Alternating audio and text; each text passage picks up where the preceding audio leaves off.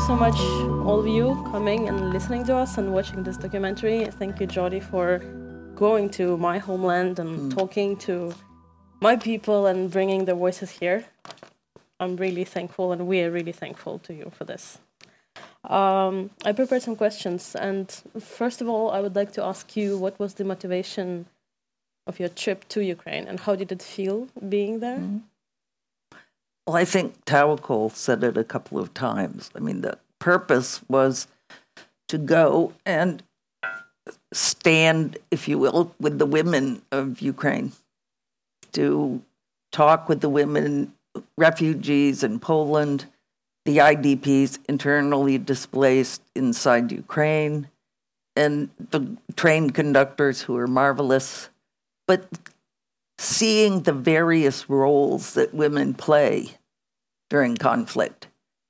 You know, everybody likes, not everybody, let me take that back. Women are too often seen as the victims of war, powerless. Well, these women demonstrate the lie of that position. Women, I, am trying not to curse, I curse a lot. My favorite word is the F bomb. And I have to say, my mother, who's 92, Jody, please don't use that word. It, this, you want to know why? It tarnishes your Nobel image. it is ridiculous. But we, we went to see these women, learn from these women. For me, I worked 11 years in Central America trying to stop U.S. military intervention. And it, it's seeing what women do the same in other, you know, all across the globe when they're in zones of conflict, trying to keep their families together, their communities together, trying to survive and contribute. And uh, it was quite an experience. Um, you worked in other areas uh, you mentioned before, besides Ukraine. What, in your opinion, drives civil society and women in particular in Ukraine, but also elsewhere? to resist and do all these things? In my opinion, it's the desire to bring about change, you know, positive change, not just for the people you like, but for everybody. Because um, if you're only trying to bring about positive change for the people you like, it's like a political party. You know, I don't like a lot of people in the world. I am not Mother Teresa. I did not become Mother Teresa when I received the Peace Prize. Um, I don't invite people to my house for dinner. But I want to make the world better for everybody. I believe in the global co- commons or whatever it's called, um, the right to freedom. I believe in the right to education, the right to housing, the right to access to medical care, and all of this war, all of the weapons in the world, diverts from making the planet a better place for everybody. That's where money should go, not to killer robots and nuclear weapons and nuclear threats and all that. And when people get together, we can change the world. The landmine campaign started with two NGOs and me, and we grew to 1,390 countries around the world. Thousands and thousands of people who came together to get rid of landmines. And that's the difference between ordinary and extraordinary, just, you know, coming together to bring about change. Anybody can do it. You don't have to be a full time activist. I started out as a volunteer. You know, I was a full time teacher and I volunteered a few nights a week at an NGO working on Salvador. And then look at what I've become. no, that was a joke. You too can win a Nobel Peace Prize. well, you are truly an inspiration, without uh, exaggeration. Um, Thank you. But um, honestly, yeah, what you're saying, um, in my research, I'm also talking to women uh, Ukrainian women journalists who report on the war, some of them for nine years now. And uh, I'm asking them, so you face all these immense risks. How do you, why do you still doing it? How can you still do it physically, psychologically? And they're like, we just want our country to be, you know, free and peaceful and we just do what we best can do. So whether you're a journalist and you go report or whether you're a human rights uh, worker or a lawyer, and many of them also combine that with uh, activism. Uh, mm-hmm. Uh, I just interviewed a young uh, woman journalist who started reporting on the war when she was 19 years old, and then full-scale invasion happened now, uh, eight years after, and she spent four months just driving cars to the front line from the west, and then after a vacation like that, she just came back to reporting on the war. Mm.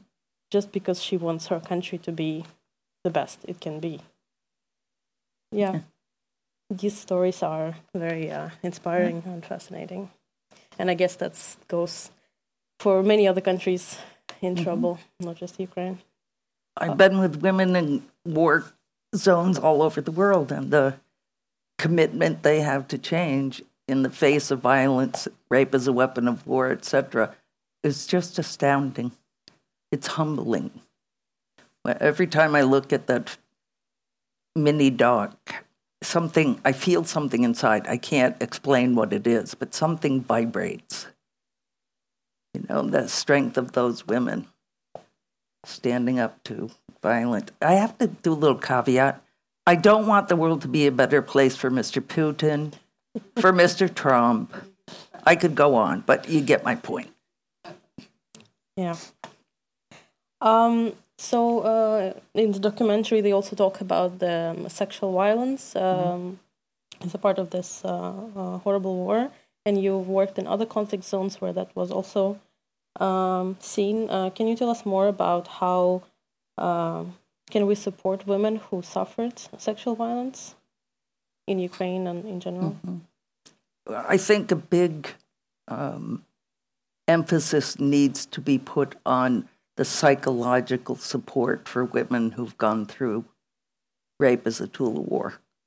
Um, you know, you, you, can fix bodies and all that, but uh, fixing the soul, fixing the mind is another story. I myself was um, sexually assaulted in El Salvador by a member of the charming Salvadorian death squads. Um, the thing that was the scariest of all was his saying to me as he slinked out of the room, uh, Watch out, I know where you are. That was because I was working in and out of Salvador for quite a few years. So that was the scariest thing for me. But I'm hard as a rock. So I, I really, I didn't feel a need for therapy. But I think in a full blown war situation like that, where women are, you know, eternally vulnerable, they need support. They need to be able to talk to each other, you know, somebody else who understands because they've been through it. Um, to me, that's the most important thing. What do you think? You're a Ukrainian. I feel it's also important that um, they feel safe to mm-hmm. share their stories. Um, some of them, my friends, journalists who were also sexually assaulted while covering the wars, not in Ukraine but in uh, Nagorno Karabakh, um, she did not report mm-hmm. uh, the assault because she felt it would affect her career, her reputation, because uh, I feel like in Ukraine and other uh, countries, uh, it's still there's a lot of victim blaming mm. or you if you weren't there or if you were not a girl who reports on the war that wouldn't happen to you uh, and i feel still a lot of work has to be done both with men and women in these societies to help mm-hmm. heal the wounds and prepare people for these difficult conversations because we will have many of such conversations to come after we uh, defeat russia but uh, um, I really uh, was curious about the phrase that you said at the end of the documentary uh, that Men? Men should step aside and let women clean up the mess. Can you. Uh... Not that I dislike men, I have one of my own. But that testosterone problem, pretty bad. Actually, the first, it is a testosterone problem. I mean, come on. You can walk in a room of men who like violence, who like weapons, and you can actually swoon because you can feel the testosterone. Men that I know, I'm not, this is the truth. Men I know who, for some reason, started out in weapons making couldn't stand the testosterone in the room and they it, had to leave. Um, what was the original question before no, um, before I went off? I was just when I when I heard that line, I was like, "Oh, I know, I know what I was going to say." Okay, go ahead. My two favorite male um, laureates are His Holiness the Dalai Lama uh, and Archbishop Desmond Tutu, who died a year ago, more or less. And each of them, in different circumstances, independently said that. You know, we men have made up a mess of this planet. Clearly, time for the men to move aside and let the women clean up their mess. But we always clean up their messes, don't we? don't we? And but each of them had said that, and it just cracked me up. I see. Uh, my idea to this question was because I've heard that I was like, how would we in Ukraine react to this, this phrase? Yeah, because course. of course we are together, men and women are fighting mm-hmm. against against common enemy, and while majority of Ukrainian army is still men, uh, mm-hmm. uh, while women are allowed to yeah. by law now to join the army. Thanks God, because back in 2014 that was a problem. Women had to fight on the front line, but on paper they were a secretary. That was also a very, very big problem. And mm-hmm. we also have problem with political representation in the parliament and so on. But uh, right now, uh, I would say both mm-hmm. genders uh, fighting pretty harsh on different levels. I come from the United States of America, born out of genocide, a country with more coups supported by the CIA, more invasions of other countries than any country I know. So my perspective comes from that. Of course. And the wars I've been in and seen, you know. Every situation is different, yeah, but is in crucial. general, in general, it's the men who love making the weapons, it's the men who love designing the weapons, it's the men who love violence. Yeah, who often decide to invade other countries. exactly. Um, yeah, thank you for this. Sure. Um, some question I wanted to ask you: uh, When you got Nobel uh, Peace Prize in 1997, mm. security situation was of certain states then, and hmm. now, mm. many years after, how do you feel it changed the human security in the world? Well, it actually the first discussion, public discussion of the concept of human security instead of national security. Right? National security is making sure that the apparatus of the state will survive. And if the people living in the country survive too, eh, cool. Um, but it was 1994, and it was the UN Development Program in their report, their annual report, where they talked about the concept of human security, um, which is instead of spending, for example, in 2021, the nine nuclear states spent a combination of $82.4 billion on their nuclear systems.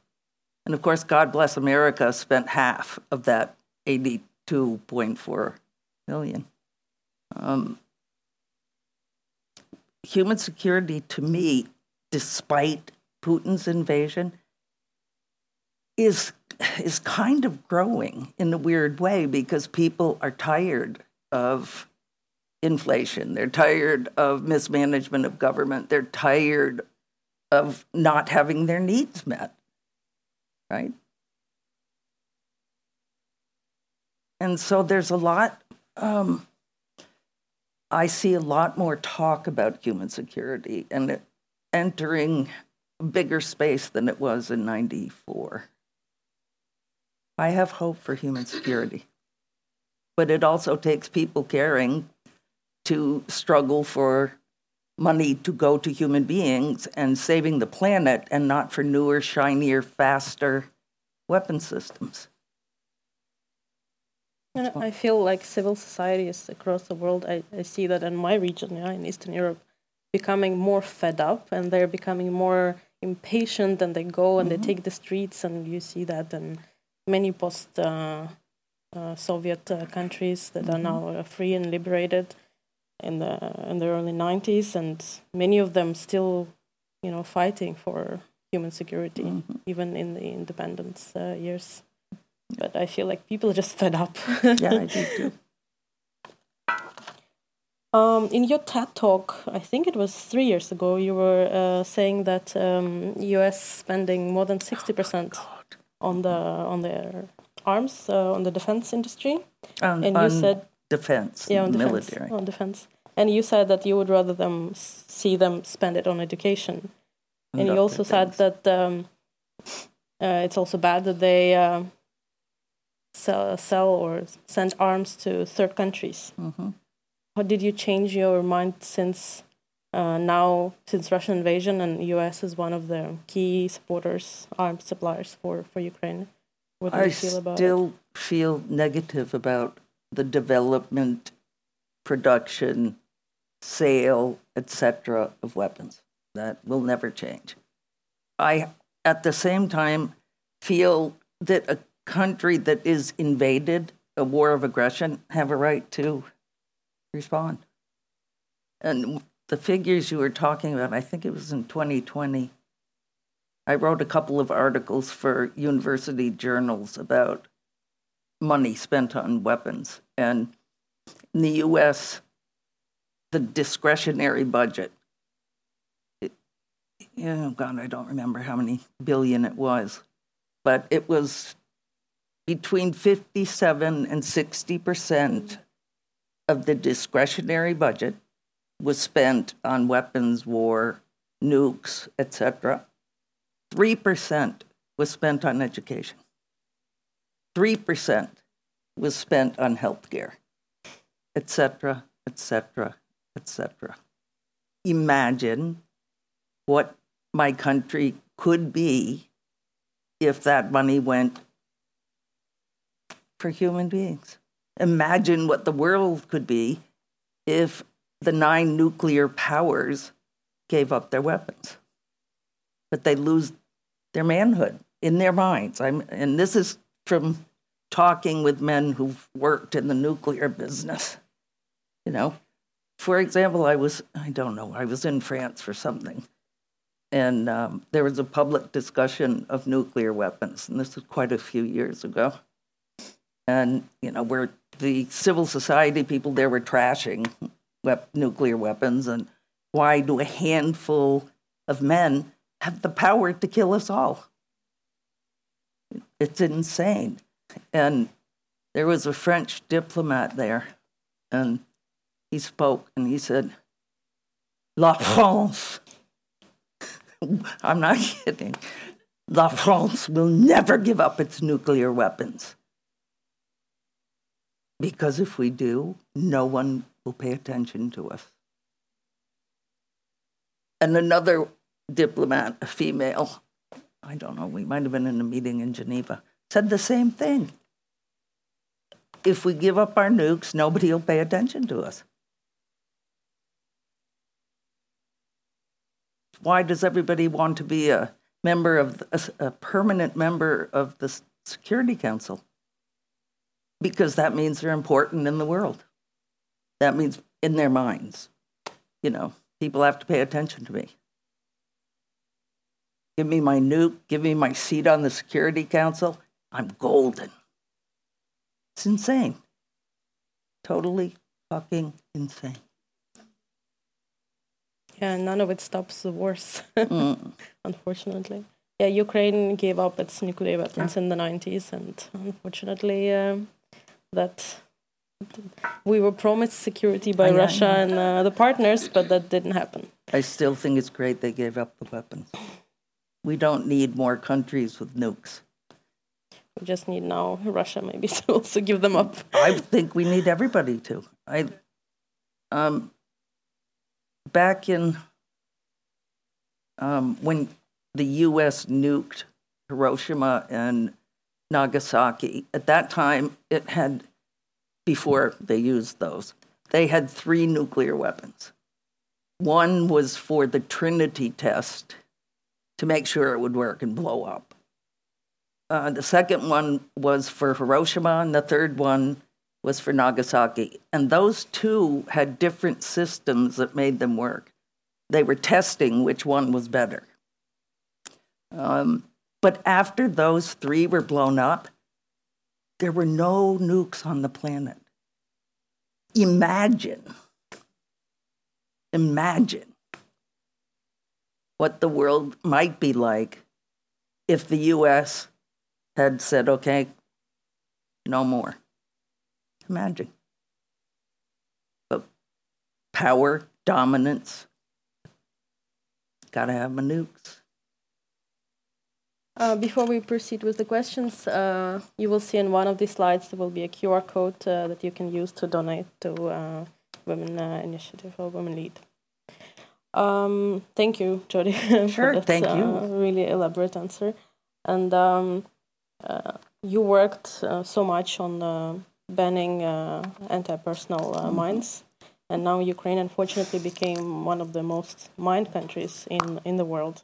Mm. How do you feel about that in the context of your work? It's um, like, where were we? Where we kept seeing the, oh, it was at the Nobel Center. You know, democracy, it doesn't stay forever. You have to work on it continuously. Well, my country needs to rebuild it, but you have to work on it continuously to make it safe. The same about anything weapons, blah, blah, blah, blah, blah you know, now there's another country to demine. It inspires the campaign to work harder. You know, 25 years after the treaty was signed, the campaign still lives. It's vibrant. It keeps pressure on governments. You know, it's we're a work in progress. Yeah, and now we also have a sea mine, and it's not just land; it's quite quite complicated. hmm Um, and my last question is maybe uh, Did you make to, this one to up? finish in. Uh, Did you make this one up on your own? This last one? Yeah, all of them. um, I would to finish this conversation before we open the um, floor for audience questions on a more positive note. Um, how do you feel we can support Ukrainian women and Ukrainian people? Uh, Well, if you have the resources, donate. And uh, don't donate to the UN. Donate to organizations doing work on the ground. They know the problems, they live the problems, they know what they need. They don't need the UN to come in and tell them what they need and take, you know, 30% of the budget of a grant that would have gone to people on the ground. Um, that would be my first um, recommendation. And showing this film and films like it that show, you know, people struggling together to make it better. And while also hearing the story of breaking women's wrists so they can't fight back when they're being gang raped etc., etc. What do you think? You're from Ukraine. I absolutely agree with um, when the full scale invasion just started.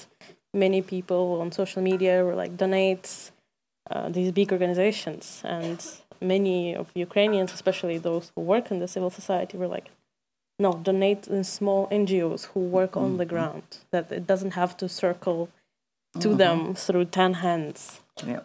donate directly like what i do i find a family, for instance, but it's easier for me, obviously, as a Ukrainian who suffered from mm-hmm. shelling, lost their home, and I just ask, what do you need? How can I help them?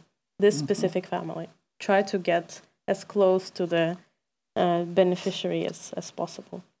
Mm, yeah, and of course, support Ukrainians and fight disinformation. If you have that colleague who believes that uh, there are two sides of this war and all the other disinformation campaigns that uh, Russian media spreads and useful idiot spreads, just try to change their mind.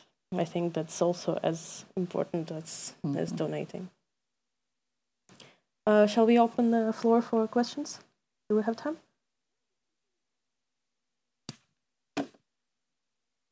The you with the arm up like this. yes. Would you stand up so it's yeah. easier to see you? And what is your name? Thank you for com- coming to Norway. It's really inspiring, and I agree with you in everything. Thank you. Maybe I should run for Empress of the planet.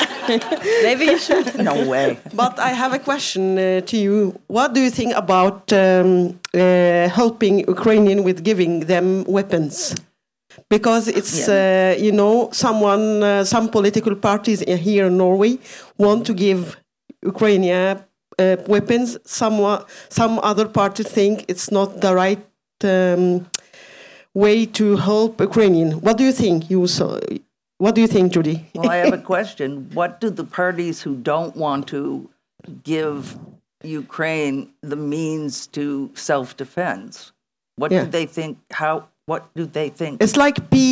Norway is peaceful country. Blah blah blah. Norway participates in the nuclear aspects of NATO. That's bullshit. I love Norway, but come on. You can't have, you know, participate with NATO nukes and be peaceful and loving. I think when it is a blatant, open war of aggression, a country has a right to self defense. If somebody invaded Vermont, where I live, my, my state, I'm sure I would find a 22. you probably don't know anything about guns. I would, my brother hunts, so from the time he, as a child, I'd find a 22 and defend my territory. It's a, those are hard and complex questions with hard and complex answers. But how can you sit back and let the maniac Putin continue to completely destroy the country?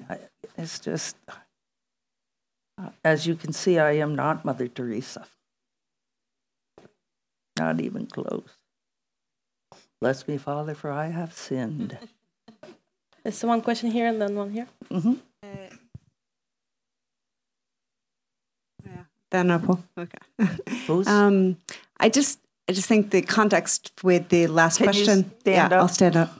The last question is that I think that the the parties that are arguing against not giving weapons, they're using they're justifying kind of their standpoint with that they're Iraq.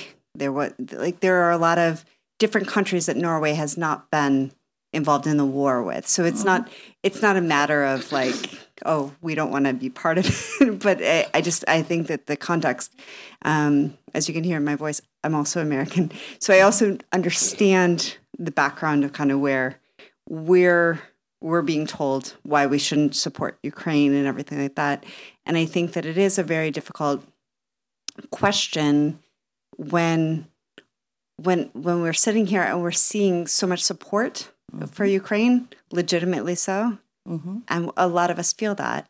And a lot of us have also been really disappointed about the lack of support for other wars and other other people who have been. So I think that it's I mm-hmm. it's it's a little bigger a bigger question. That's mm-hmm. that's all I wanted to say. Yeah. So uh, thank you for your input, and I'm really glad to be here. And I just wanted sure. to just clarify that a little bit. Um, the difference with the um, coalition of the Willings invasion of Iraq is based on lies, and it's typical when the U.S. wants to flaunt the law It puts together a coalition of the willing to do whatever it wants. With or without them, actually. If they wouldn't join, they would do it anyway. To me, this is quite distinct because Putin invaded. You know, just blatant aggression. And it's not like they're sending troops into Ukraine, they're providing Ukraine with the means of self defense. It's rough stuff. I will donate my 22. How many do you have? I have a shotgun and I have a 22. we could use you in Ukraine. You want them? so I think we have a question over here from the director of the Nobel Peace Center. Jody Williams, thank you so much for coming. Oleksandra as, as well, thank you so much. Um, Jody, I was just uh, curious to know more about the situation of landmines in Ukraine. Um, this is your specialty. Well, what is the situation, and what I mean, how is it possible that it's still an yeah. issue? Well, Russia never signed the mine ban treaty. Russia still keeps a massive stockpile. It produces for its own use. It is therefore not shocking to find landmines, cluster bombs, IEDs in Ukraine. But Ukraine is not innocent of that either. Ukraine has used landmines. Period.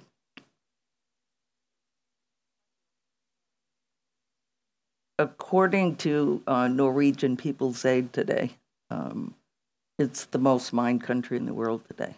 Mm-hmm. Of course it will, and it's a stupid weapon. Landmines have never been decisive in a war. Never. And beside the landmines, there are also a lot of unexploded ordnance yep. and forests and, and so on. Yeah. Well, it's terrible. I think we can take one more question. Thank you. And thank you very much, Jody Williams uh, and Oleksandra. Great to be here. I was wondering about the um, uh, the representation of women and the victimization of women, which is very, very interesting. I was wondering to both of you, what do you think of um, how can we work in order to change that kind of notion and that kind of attitude towards women in Ukraine, first and foremost, but also maybe globally, as women as being uh, forceful and being not only victims, but also uh, powers to make a difference and make a change. I'll be long dead before that is accomplished. Um, people in power never want to give up their power. Not never, but mostly don't. And men have been the source of power or the focal point of power since, you know, Neanderthals climbed out of their cave or whatever. And, you know, recent statistics said that even in terms of equal pay for equal work, it will take a hundred something years before women are paid equally as men. You, you know, it's not a simple how do we prove that women can be empowered and be powerful? It's machismo, it's patriarchal systems, it's the whole way the planet was set up by men for men. It's a work of a lifetime and beyond. Um, I think a lot of good things happen when women support women in their efforts to not be seen as victims. Do you have insights? Definitely. Always have insights. Um, when it comes to, I cannot talk as a researcher generally, but I can talk about my research where I research risks that women journalists who are born in the war. What are those risks? But I also shaped my question in a way that I don't want to show women journalists as only victims. That's why the second part of my question is how do they overcome the risks and how do they um, show their resilience? Because I'm interviewing women who worked on the front line for nine years, uh, or more or less, um, but they all find they face enormous amount of risks, not just physical and psychological, but other kind of risks as well. And I'm when I'm asking them how do you um, overcome them, and you know, putting the focus not just on the risk and them being target of it, I also put I give them the voice and I give them the power to tell how do they persevere and how do they uh, you know change um, the world they uh, work around. And i think it's it's very important because if we want to help uh, women journalists or in general we need to know what do they need for resilience and to identify these gaps and resources that's the question we should be asking not what are the risks we already know what the risks are they're always being the same but we don't know what what kind of help do they need? That's my answer, I guess. Ta-da. I think there was one uh, one last question, one very last. I'll give Thank you for such a very important presentation. Um, my question is on about us women. As we can see, and you have said you've noticed it as well, I'm sure we all have, most of us, that um, it's us women who end up mopping up all this rubbish and nonsense that we have been created mm-hmm. by, okay, men, right? Mm-hmm. Oh. So, my question is in your opinion, how do we get on a pathway as women to start working on this issue that we should be like in the near future, really be in charge for a change and change the world. In your opinion, what should we do? How do we start? They say we need a revolution. Oh, sorry. I, if I had the answer to that, I would be leading the women's brigade. You know, I. It's from in my view, and it's long term. You know, we can't expect this to happen overnight. It's women supporting women in their efforts to be part of change. It sounds stupid, but uh, in in the basic, you know, and if you look at the center of it, I think that's what it is. And recognizing other women in their struggles and supporting them in whatever way one can you know, solidarity among women. Sounds easy and cheesy, but it really matters, I think. What do you think about how do we empower women to kick men in their butt and get them out of the way? Provide them with tools. um, yeah, I absolutely agree with you. Uh, I'm sure. I mean, I'm I'm just 29 years old, so uh, there's a lot to to do and to uh, you know to to fight and to reach those those goals, uh, including in, in my home country. But I think step by step and through showing solidarity and support to each other, and also working together with men who are not, mm-hmm. Uh, you know, uh, want to be only in charge and who want to be equal and want to support us and give us voice. I think we can achieve. Uh, I feel like democracy is like a marriage. we need to, uh, like a good, if you want a good marriage, you have to work at it yeah, all the work time. at it. But I really think it was a critical element of moving men and women forward in a different way of thinking is disarmament starting with nuclear disarmament before they blow up the world and we all die anyway. It's hard work, it's a lot of work, but I think it's fundamental. And I think that's a good punchline for today's conversation. Thank mm-hmm. you, Jody, for sharing your thoughts, mm. your experience. And thank you, Oleksandra.